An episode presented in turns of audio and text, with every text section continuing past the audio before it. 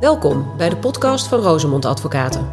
De advocaten van Rosemond praten u bij over actuele ontwikkelingen in het bouw- en aanbestedingsrecht. Zij doen dit aan de hand van jurisprudentie, regelgeving en praktijkervaringen. Bij dit soort bestuurders is altijd een beetje de vraag: eerst besturen ze zo'n voetbalbond en daarna eindigen ze meestal achter tralies. uh, dus de volgende gedetineerde, dat is Alexander Severin, uh, een Sloveense voetbalbestuurder en voormalig advocaat. Dus die zou gevoelig moeten zijn voor jouw oproep. Vandaag luistert u naar Daan Versteeg en Thomas de Leeuwen. Zo Daan. Thomas, zitten we weer? Zitten we weer. Dit keer om te praten over het aanbestedingsrecht. Ik doe uh, je graag een lol. Ja, nou, ik zou zeggen steek van wel. Nou Thomas, vorige keer hebben we gesproken over onvoorziene omstandigheden. En uh, we hebben toen beloofd niet te diep op corona in te gaan. Nou, dat is goed gelukt. Ik wil dat ook niet doen. En tegelijkertijd, wat jij toen ook al zei, het is, uh, het is misschien niet helemaal de tijd om het zoveelste uh, uitspraakje van de rechtbank Amsterdam te bespreken. Maar waar wel behoefte aan is, is denk ik een beetje een overzicht van wat zijn nou kansrijke aanbestedingsgeschillen. En dat heeft er ook alles mee te maken dat de aanbestedingsgeschillen weer uh, erg in opmars zijn. Er was een mooie tijd, dik een jaar geleden, waarin ik in één keer merkte dat het zo goed ging in de bouw dat er nauwelijks meer geprocedeerd werd over een aanbesteding. En dat was eigenlijk hartstikke mooi, want als iemand dan hoe ten onrechte ook een opdracht niet kreeg, zei hij, nou, zal mij een worst wezen, want morgen heb ik weer twee nieuwe inschrijvingen en uh, ik kan het werk nu al bijna niet meer aan. Toen kwam er uh, de PFAS, de PAS. Toen werd het dan in één keer weer wat zeldzamer zomaar werk binnenhalen. En ja, toen kwam het C-woord. En inmiddels uh, mogen we weer blij zijn met elk werk wat we binnenhalen. Maar dat maakt dus ook dat het toch wel interessant is om te weten, wanneer heb ik nou als aannemer, als leverancier, als inschrijver, als ik vind dat ik ten onrechte niet heb gewonnen, wanneer heb ik nou een goede kans om dat bij de rechter alsnog die opdracht binnen te halen? Dan zeg ik als aanbestedingsleek nooit. Dan zeg ik als aanbestedingsliefhebber uh, dank voor deze plotspoiler, Thomas. Maar je hebt misschien nog bijna wel gelijk ook. Want het binnenhalen van een opdracht voor de rechter is nog niet zo makkelijk. Ik weet dat uh, in het kader van de rechtsbescherming zijn er nog wel eens wat onderzoekjes gedaan uh, wat, wat de kans van slagen is. En dan kom je bij de burgerlijke rechter op niet meer dan 25 procent. En dan moet je bedenken, dan wordt er een eis toegewezen. Dat wil nog helemaal niet zeggen dat dan een aannemer daarna een werk binnen heeft. Er zit een wereld van verschil tussen. En dan moet je nog eens een keer rekening mee houden dat je een soort poortwachterfunctie hebt natuurlijk als advocaat. Want als een cliënt bij mij komt met een kansloze zaak, dan zeg ik, dat ga ik niet doen. Dus die zaken worden al niet eens gevoerd. Ja. Staat wel ook weer aan de andere kant tegenover dat als ik een hele kansrijke zaak heb, dat ik denk, nou, deze aanbesteder ga ik nou eens echt voor de rechter goed op zijn valie geven. Dan meestal na het uitbrengen van de dagvaarding of soms al na de eerste brief zegt de aanbesteder, nou, daar heeft u toch wel een punt, meneer Versteeg. En dan komt er dus ook geen zaak. Nee. Weet dus, beste luisteraar, er, er gaat nog best wel wat goed, alleen je zit het niet altijd uh, voor de rechter gebeuren. Maar toch, om Thomas een beetje weer het ongelijk in te duwen, want zijn nood, ja, dat, dat raakt mij nu toch wel een beetje. wil ik een beetje een overzicht geven van een paar onderwerpen. Hè? En dan, nou, laten we er maar een quiz van maken, Thomas. Heel goed. En dan mag jij als leek toch je vingerspitsengevoel uh, loslaten. Uitstekend. Ik noem een, een, een, een klacht van een, inschrijver, een aannemer. En jij gaat vertellen of die bij de rechter kans van slagen heeft. En dan ga ik dat wel nuanceren. Prima. Zullen we het zo doen? Is goed. Een van de meest voorkomende. Ik word gebeld door een briezende inschrijver die zegt: Het is een schande. Ik heb een schitterend plan van aanpak geschreven. Ik ben ook de beste in dit soort werken. Dat weten ze donders goed bij de gemeente. Toch kreeg ik maar een 6,5. Ik had minstens een 8 moeten krijgen en dan had ik wel gewonnen. Heeft deze man een zaak? Ik denk van niet. Ik denk dat je dat helemaal goed hebt. um, niks is zo moeilijk. Nee, Niets is zo onmogelijk als een rechter ertoe verleiden dat je zegt: de aanbesteder had mijn cliënt een veel hoger cijfer moeten geven. Laat staan dat de rechter dan ook nog eens vervolgens zelf zegt: Nou ja, dat zie ik ook wel. Ik maak er in redelijkheid en billijkheid een 7 van. Dat is nog nooit gebeurd, denk ik. Dat is volgens mij nog nooit gebeurd. Ik hou me aanbevolen als de luisteraar een zaak kent. en er zit natuurlijk ook een, een hele goede ratio achter. Uh, Zo'n rechter zegt, ja, uh, gunst, ik ben niet de inkoopafdeling van de ingenieursdienst van de gemeente. Dus ik ga toch niet bepalen hoe goed jouw plan van aanpak is. Nee. Kan uh, nee, ik kan niet op de stoel van de aanbesteder gaan zitten. Ik ken de branche niet. En wat ze dan ook vaak zeggen, ik ken ook de andere plannen van aanpak niet. Want dat zegt toch ook nog wel iets over uh, het niveau. Ik ga niet op de stoel van de aanbesteder zitten. Dat noemen we ook wel de marginale toets. Ja. Dan schiet iedereen een reflex, want Europa heeft gezegd, we mogen niet marginaal toetsen. Nou, sindsdien zeggen we, we toetsen niet marginaal. Maar dat doen we dus nog steeds op deze marginale manier. En wat wil men in Europa dan? Dat het op een. Ja, in Europa. Vanuit Europa? Wat wil. Het is een lang verhaal, maar het is een mooie, mooie zaak geweest. waarin Nederland zowaar in, in Luxemburg kwam. en waarin er werd geklaagd dat er in Nederland alleen bij de kortgedingrechter. over aanbestedingen kan worden geprocedeerd. He, hoger beroep bestaat zo goed als niet. Ja. En dat die kortgedingrechter ook nog eens marginaal toetst. En toen zei de advocaat-generaal: als het zo erg is, dan heb je in Nederland geen volwaardige rechtsbescherming. Ja. Maar vervolgens zei hij achteraan: ik heb niet de indruk dat het zo erg is. Nee. Ik vind dat wel, maar dat is een ander verhaal. Ik zou ervoor pleiten dat je veel meer de commissie van aanbestedingsexperts iets ervan laat vinden. Want die kunnen wel inhoudelijk kijken. Of dat je gewoon, net als vroeger, als het om werken gaat, weer naar de Raad van Arbitrage gaat. Want dan had je natuurlijk ook arbiters die wel degelijk konden zeggen: ja, dit is wel of niet een goed referentiewerk. Dit is wel of niet een goed plan van aanpak. Ja, en snel. Ook nog eens. Ja. Ja, goed punt. Nou, ehm, we dwalen lekker af, maar in de categorie eh, bijgepraat. Er ligt nog steeds een heel verhaal eh, bij de Tweede Kamer eh, vanuit Mona Keizer om te kijken of ze de rechtsbescherming kan verbeteren. Probeer maar waar het ook kan te laten horen dat dat inderdaad verbeterd moet worden. Ik vrees alleen dat dat op dit moment niet boven aan de agenda van, van de Tweede Kamer staat. Nee, Dan wel van het ministerie van EZ. En zo waar, ik kan nog wel eens mopperen op ambtenaren. Vind ik dat ze nu wel. ehm, dat Mona heeft nu andere dingen aan de hoofd. Dat snap ik. Maar terug naar die kansloze vorderingen. Nee, je krijgt dus niet een hoger cijfer. Maar toch, toch, toch, Thomas, er zijn wel degelijk gevallen dat je bij de rechter iets kan doen. Eentje, die kan je wellicht nog herinneren. Dat was, dat hebben wij besproken in de eerste podcast die wij opnamen. Daar was er zo'n beroerde motivering van een cijfer. Met teksten als: Het is niet smart genoeg. Ja. Dat de rechter zei: Ja, hier kan ik helemaal niks mee. Deze beoordeling draagt niet het cijfer, omdat hij gewoon eh, niks zeggend is. Ja. Nou, dan zou jouw vraag eh, kunnen zijn: kreeg hij dan daarna de opdracht? nou, inmiddels kun ik u bijpraten over het vervolg van die zaak. Daar kwam een herbeoordeling en in één keer kwamen er wel pagina's vol motivering, maar nog steeds het lage cijfer.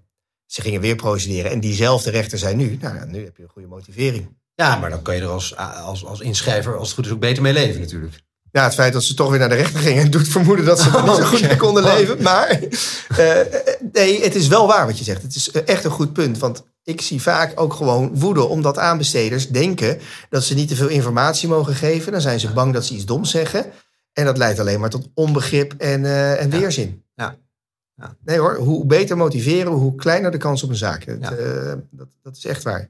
Zowel juridisch als gewoon emotioneel. Maar dan, dan is wel degelijk een moment dat je wel, wel een gewonnen zaak hebt. Als het gaat om de beoordeling van de kwaliteit, een plan van aanpak of zoiets. En dat is natuurlijk als de aanbestedende dienst zijn eigen criteria niet in acht neemt. Ja. Als het goed is, heb je nog een mooie leidraad gekregen. En daar staat in, eh, we, we gaan letten op eh, in hoeverre dit esthetisch verantwoord is. Als er dan vervolgens in de motivering staat, eh, u heeft een laag cijfer gekregen, want het is niet duurzaam, want de energiekosten zijn te hoog. Ja, dan krap jij je natuurlijk achter je oren, denk je, maar daar zou je toch niet op gaan letten? Nee. Nou, en die extreme gevallen, eh, die zijn er natuurlijk niet vaak, maar als ze er zijn, dan heb je wel degelijk een gewonnen zaak. Ja.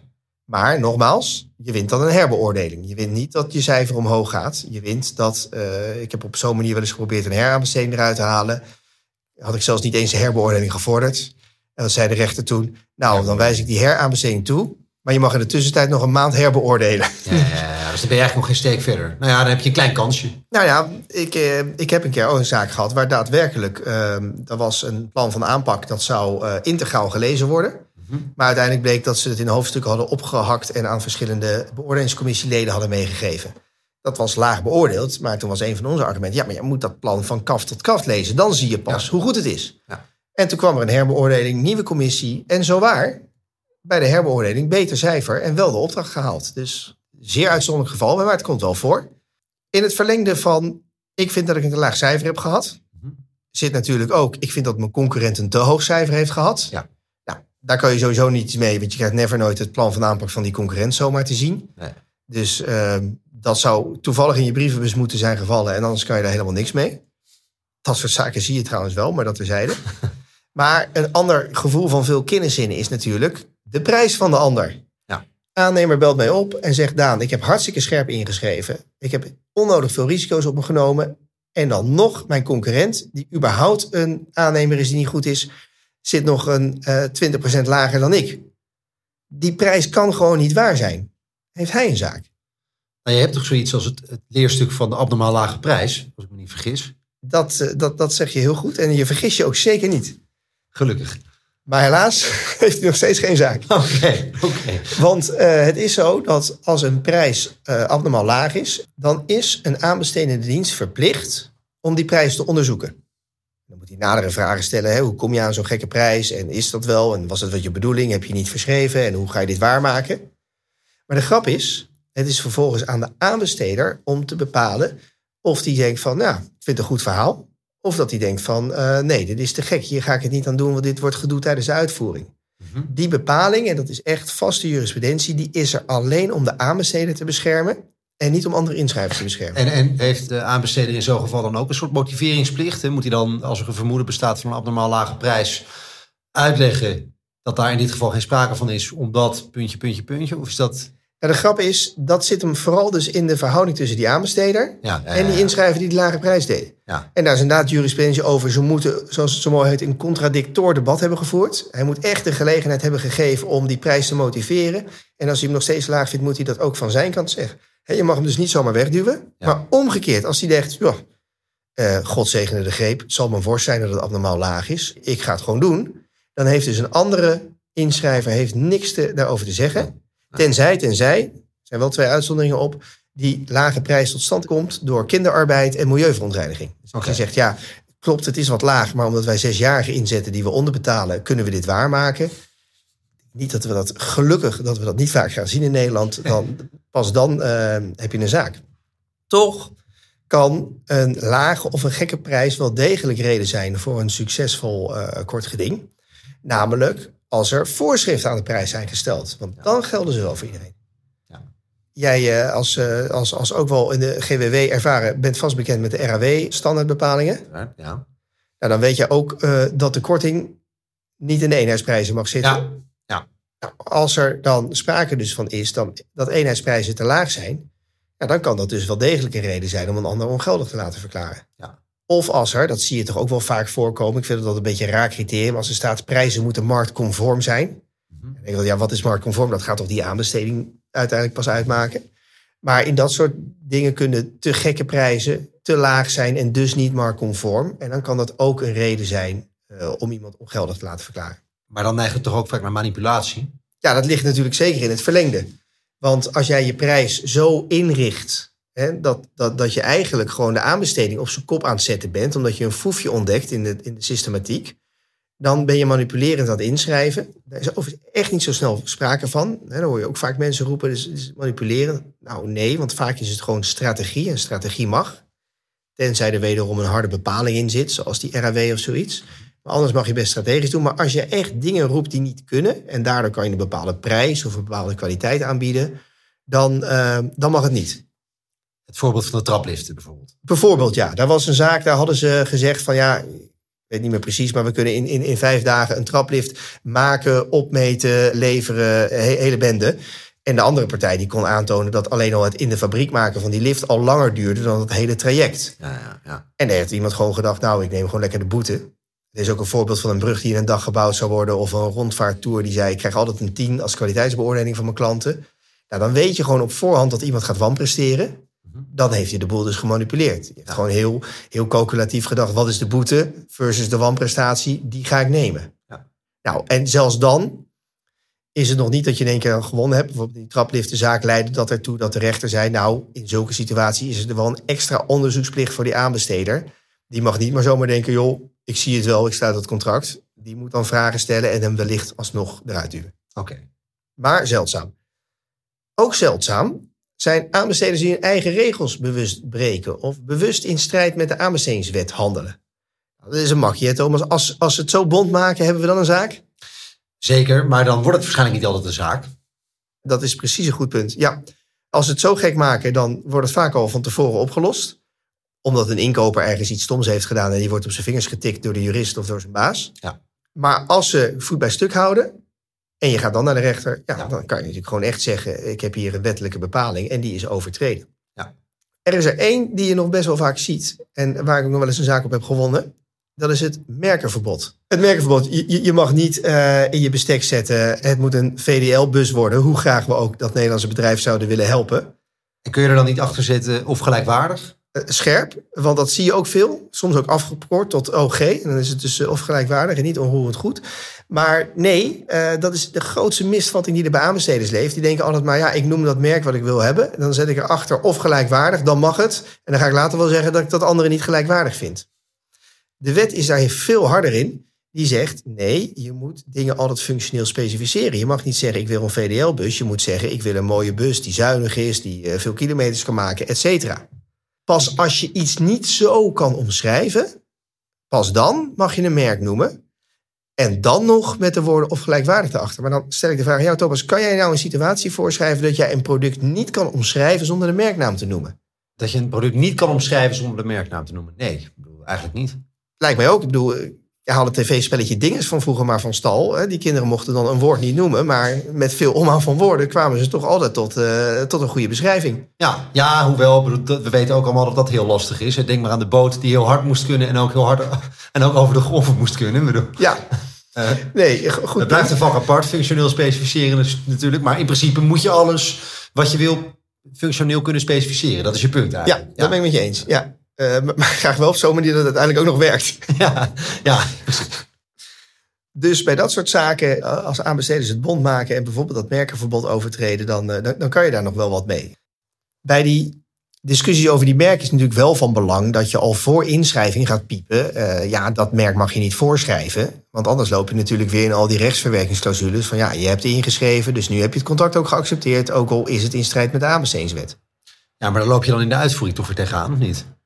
Jij bedoelt dat je dan in de uitvoering een beroep doet op de aanbestedingswet? Ja, precies. Nou, dat is grappig, want daar heb ik ooit een keer een zaak over gehad... waar mijn cliënt dat inderdaad zei. Want die had een ander product, die zei is net zo goed. En ze hadden toch geen merk mogen voorschrijven, Daan? Dat is wel leuk, die cliënt die trok een vergelijking met het huurrecht. Die zegt, ja, zo'n uh, mag zijn een huurovereenkomst voor bepaalde tijd... die worden er ook legio getekend, maar ze zijn gewoon niet rechtsgeldig. Ja. Nou, in deze is het volgens mij niet zo dat als iets in het aanbestedingsrecht strijdig is gesloten, dat gelijk die bepaling niet meer opgaat. Er is sowieso natuurlijk altijd het leerstuk van Uneto de Vliert. Dat is een hoge raadarrest die zegt, een overeenkomst die is gegund in strijd met het aanbestedingsrecht is niet nietig. En in het verlengde daarvan kan je dus ook zeggen dat die bepaling dan niet nietig is of niet per definitie dat je er niet aan hoeft te houden. Aan de andere kant, die aanbesteder heeft toch iets heel stouts gedaan, want die heeft een merk voorgeschreven terwijl hij niet mag. En dan, zijn dan moet je soms een beetje creatief zijn. Ik heb ooit een keer een zaak gehad waarin ik dus inderdaad zei: maar ja, jongens, dat kan helemaal niet, dat had je niet zo mogen doen. En natuurlijk riep die wederpartij van ja, het, eh, daar hebben we lak aan, je hebt dat contract getekend. Ja. En dan was het aardige. Een of andere reden pikte de lokale omroep die zaak op. Uh, want er was kennelijk al eerder gedoe geweest over dat werk. En toen ging de wethouder voor de lokale tv-zender staan. En die verklaarde: Ja, ik ben klaar met die aannemers die altijd maar met gelijkwaardige producten komen. Wij hebben nu als beleid, uh, waren ze woorden, het ging niet eens over dit werk. We hebben als beleid, wij schrijven voortaan voor welk merk we willen hebben. En andere spullen pikken we niet. Heerlijk. Ja, toen is uh, een van onze secretaresses hier zo goed geweest om dat stukje tv uh, mooi uh, uit te tikken tot een transcriptie. We hebben er ook een cd'tje van ge, gebrand. En toen hebben we tegen de aanbestedende dienst gezegd: Dit lijkt ons nou goed dat de Europese Commissie is gaat buigen over het beleid van nee. deze wethouder. Waarop de gemeente zei: Nou, daar zijn we totaal niet van onder de indruk. Maar we vinden het toch vervelend worden, dus zullen we maar eens gaan schikken. Oh, mooi. De Europese Commissie heeft uiteindelijk nooit iets gevonden van deze wethouder. En, uh, en cliënt en de gemeente zijn er uiteindelijk netjes, uh, netjes uitgekomen. Dat is maar goed ook. Dat is altijd beter. Uh, dan de volgende categorie. Niet het standaard verhaal van ik heb een, een aanbesteding meegedaan, maar niet gewonnen. Mm -hmm. Er is geen aanbesteding geweest. Er wordt stiekem een opdracht door een overheid aan een marktpartij gegund. En jij leest het in de krant of je rijdt er langs en je komt erachter heb je dan een kans om die opdracht nog binnen te halen. Maar hier durf ik wel redelijk stellig in te zijn, ja. Ja, uh, het mag in ieder geval niet. Want er wordt gewoon keihard ontdoken. Nou, dat, ja. lig ik van wakker natuurlijk. Het ja. aanbestedingsrecht niet naleven. Daar zijn soms rechtvaardigingsgronden voor. Daar hebben we natuurlijk in deze crisistijd uitgebreid over gehad. Maar uh, lang niet altijd is er een rechtvaardigingsgrond. Toch leidt dat nog lang niet altijd tot succesvolle zaken. Want als jij dan wil zeggen, ja, dit is onderhands gegund en het kan dus ook soms zijn dat een opdracht loopt, maar er komt een hele dikke verlengings- of aanvullende opdracht bij, hè, die dus juridisch gezien gewoon een extra opdracht is. Dan moet je een bodemprocedure starten om vernietiging te vorderen. En er zit ook nog eens een mijnenveld aan termijnen bij. Dat moet binnen een maand nadat bekendgemaakt is dat die opdracht is gegund. En als die heimelijk gegund is, moet het binnen zes maanden na die gunning zijn. Ja, wat doe je met een aanbesteder die hem heimelijk gunt, zes maanden wacht tot hij de bouw laat beginnen? Ja, kom je dan te laat? Nee, lijkt mij niet. Naar de letter van de wet niet. Ik zou daar toch nog wel een zaak over willen doen, omdat dat wel zo, ik zou het bijna boos opzet willen noemen. Ja. Maar dat zijn lastige zaken, want je moet een, in een bodemprocedure vernietiging vorderen. Nou, dan, dan stel ik aan jou de vraag, uh, een bodemprocedure tot vernietiging. Uh, ben je wel even bezig. Zelfs in de pre-coronatijd. Ja. Wat schat jij? Nou, denk gewoon, ik denk dat je daar minimaal een jaar mee bezig bent. Ja, dat denk ik ook tenminste. Ja. Ja, en dat geldt dus voor de meeste werken. Ja, die zijn al half uitgevoerd. Ja. Ehm, Ja. Dus dat, dat werkt dan eigenlijk alleen bij of hele langdurige opdrachten. Mhm. We hebben zaken gehad dat ze onderhands eh, de, de afvalinzameling voor 20 jaar ergens wegzetten. Ja, dan loont het wel de moeite om dat open te breken en daar tegenaan te gaan. Maar er is natuurlijk nog een truc. Je kan die bodemprocedure hand in hand laten gaan door een kort geding. Waarin je zegt, joh, schort het op zolang ik die bodemprocedure voort. Waarmee je in dat kort geding gelijk al een eerste oordeel krijgt. Want dan zal die rechter natuurlijk helemaal niet zomaar die opdracht opschorten. Dan moet het er dus dik bovenop liggen. Ja. En als je dan het kort geding wint, Ja. dan denk ik dat die aanbesteder ook eieren voor zijn geld kiest en zegt: Ja, ik ga nu niet een jaar lang eh, het afval niet laten inzamelen. Terwijl we, kort, ged- terwijl we een bodemprocedure voeren over de vernietiging daarvan. Dit is trouwens ook weer, schiet mij nu te binnen, een extra reden denk ik om eh, dit soort geschillen toch bij de raad neer te leggen. Hè? Rob heeft in de laatste editie van TBR een lans gebroken voor geschilbeslechting door de raad in plaats van de burgerlijke rechter. En die kennen natuurlijk ook het spoedbodemgeschil. Ja, dat is echt dat is, dat is zo'n extra asset van de raad. Dat je wel een spoedprocedure hebt, maar toch een declarator oordeel kan krijgen. Ja, en het gaat echt snel. Ja, eens. En, ehm, en, en de richtlijn staat er ook niet aan in de weg. Want die, die zegt gewoon, er moet een vorm van een, een, een, en mag je in, in nationaal recht regelen, een nette manier van rechtsbescherming zijn. Dus dat kan zo de raad van arbitrage zijn. Ja. Dus Mona, als je straks weer tijd over hebt. maar dan, ehm, waarom dit ook nog een, een toch wat achterhoede vechtachtige claim is. Als jij dan al die procedure wint en eh, die, die hele bodemprocedure en de, de rechter zegt nee, inderdaad, ze hadden die opdracht niet onderhands aan jouw concurrent mogen gunnen. Hij had wel moeten worden aanbesteed. Heb jij dan die opdracht? Nee. Nee, in het beste geval komt er een aanbesteding waar je dan aan mag meedoen. Ja. Ja. En het zou niet moeten uitmaken, maar je staat er niet lekker op. nee. Nee. Nee. Dus dat, dat blijft een lastige. En ehm, nou ja, eh, een mooi bruggetje. Ik noemde al het, het mijnenveld van termijnen wat daarin zit. Eh, termijnen blijven lastig in het aanbestedingsrecht. Ze zijn altijd kort. Ja, deze hoef ik jou natuurlijk niet eens te stellen, hè, Thomas. Te laat dagvaarden. Ja. Eh, Die Alcatel, eh die ken jij ook als, eh, als niet-aanbestedingsliefhebber. Zeker. Na die 20 dagen, dan, dan ben je te laat. Dan wil ik toch wel een tip meegeven voor iedereen die luistert... en soms iets te lang wacht met zijn advocaat bellen... om te zeggen, laten we toch maar gaan dagvaarden. Weet dat ja, je kan op dag 20 een dagvaarding betekenen... maar daar gaat natuurlijk los van het opstellen van die dagvaarding... nog wel een proces aan vooraf. En een van de lastigste dingen in dat verhaal, zeker in deze tijd... is het verkrijgen van een datum voor een kort geding. Je moet van de griffie van de rechtbank, dus gewoon een medewerker... een datum krijgen waarop een kort geding kan worden gehouden. Anders gaat de deurwaarder niet met jouw dagvaarding op pad. Anders kun je nergens tegen dagvaarden. Nee. Exact. Ja. Dat is, dat is zo typisch aan een kort geding. En ja, diegene, eh, ja, die heeft gewoon zijn stapeltje. En die kan je bellen. En die kan je de huid vol schelden. zou ik niet doen, want dan weet je zeker dat je hem niet krijgt. Je kan hem wel smeken, heb ik vaak gedaan. En dat wil nog wel eens helpen. Maar diegene zal in de regel wel zeggen... ja, sorry meneer Verstegen, ik heb het druk. eh, morgen op zijn vroegst. Ja. En als vandaag de termijn verloopt, ja, dan is morgen te laat. Ja. Dat is wel een mooie zaak. Er was ooit één eh, advocaat die dacht daar een slimmigheidje op te vinden. Er zijn wel degelijk zittingen die altijd plaatsvinden. De faillissementsrol. Dus die Ah. dagvaarden tegen de faillissementsrol. Vervolgens kwam uiteindelijk dus een dag te laat die datum waarop het echte kortgeding kwam. Zei nou mooi, ik heb op tijd gedagvaard. Maar wel tegen de verkeerde datum, maar dat geeft niet. Ik doe een herstelexplootje. En dan hebben we nu een zitting op de goede datum. Mooi. Ik vind het mooi. Ik, ik had hem alleen al op de creativiteit had ik de man beloond Ja. met eh, dit mag. Maar nee hoor, de eh voorzieningenrechter te Noord-Holland was dikkelhard. En die zei, eh, dit is gewoon niet goed betekend. Dus tot ziens. Dus niet betekend. Eigenlijk. Niet betekend. En een andere leuke anekdote is te laat voegen of tussenkomen. Het aanbestedingsrecht is altijd een feest der partijen. Niet zelden zit je met z'n vieren in de zaal, moet de hele zittingszaal verbouwd worden. En dat komt natuurlijk omdat hè, er is een aanbesteder en er is een verliezer. Die gaan met elkaar knokken. Ja. Maar er is ook iemand, een winnaar, die denkt... hé, hey, als die verliezer dat gevecht wint, dan ben ik mijn opdracht kwijt. Dus die komt meestal tussen, of voegt zich aan de kant van de aanbesteder... en komt zijn verhaaltje meedoen. So far so good. Die mag altijd tussenkomen, want zijn belang staat op het spel. Hè. Dat is, Ja. Een enkele keer heb je nog een gekkie die zegt... nou, ik eh, wil dat u die tussenkomst niet toestaat. Nou, die eh, staat in zijn hemd. Maar nu hebben we een andere situatie. En dat gebeurt ook nog wel eens. Je hebt genoeg opdrachten waarbij er eh, meerdere verliezers zijn. Ja. Meerdere potentiële winnaars zijn. En dan wil je nog wel eens hebben dat iemand die verliest zegt... nou, ik weet het niet, ik ga geen kort geding beginnen. Maar een andere verliezer begint wel een kort geding. En dan krijgt die, een van die andere verliezers, die krijgt spijt. Denkt, ja, hij heeft eigenlijk best een aardig verhaal. En ik wil toch ook wel mijn, eh, mijn, eh, even, even mijn verhaaltje meedoen. Die cirkelen daar een beetje als aasgieren. Exact. Die, die voelt inderdaad, er gaat toch nog iets komen. En dan staat er in één keer een tweede verliezer voor de rechter. En die gaat ook die aanbestedende dienst aanvallen. Maar die tweede verliezer had natuurlijk ook gewoon die 20 dagen termijn. Heeft daar binnen niet iets gedaan. Maar zegt, ja, maar dat geeft niet. Mijn, mijn vriendje, Jij mee op... Ja, ja. ja. ik lift mee. Ja. Nou, wat denk je? Kansloos lijkt me. Ja, inderdaad. En, en toch gebeurt het nog met enige regelmaat. En een, een, een leuke is, eh een die ik ooit met Bert heb meegemaakt. Toen gebeurde dat. Een, een tweede verliezer meldde zich later. Eh begon de zitting nog met een gloedvol pleidooi waarom die recht had om daar te zijn. En wij begonnen natuurlijk met een minstens zo gloedvol pleidooi waarom die eigenlijk ter plekke weer de zaal zou moeten verlaten.